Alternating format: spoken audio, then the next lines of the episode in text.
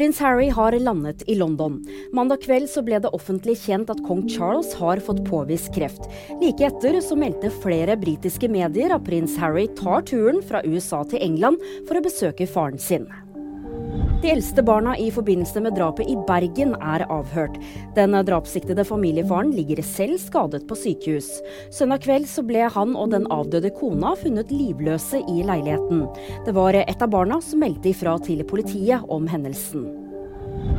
NRK har mottatt 700 klager. Flere er nemlig kritiske til at Israel får lov til å delta i Eurovision, melder kampanje. Det er ikke endelig avgjort om klagene blir et tema på neste møte i Kringkastingsrådet i slutten av februar. Og mer om denne saken og flere andre nyheter finner du alltid på VG.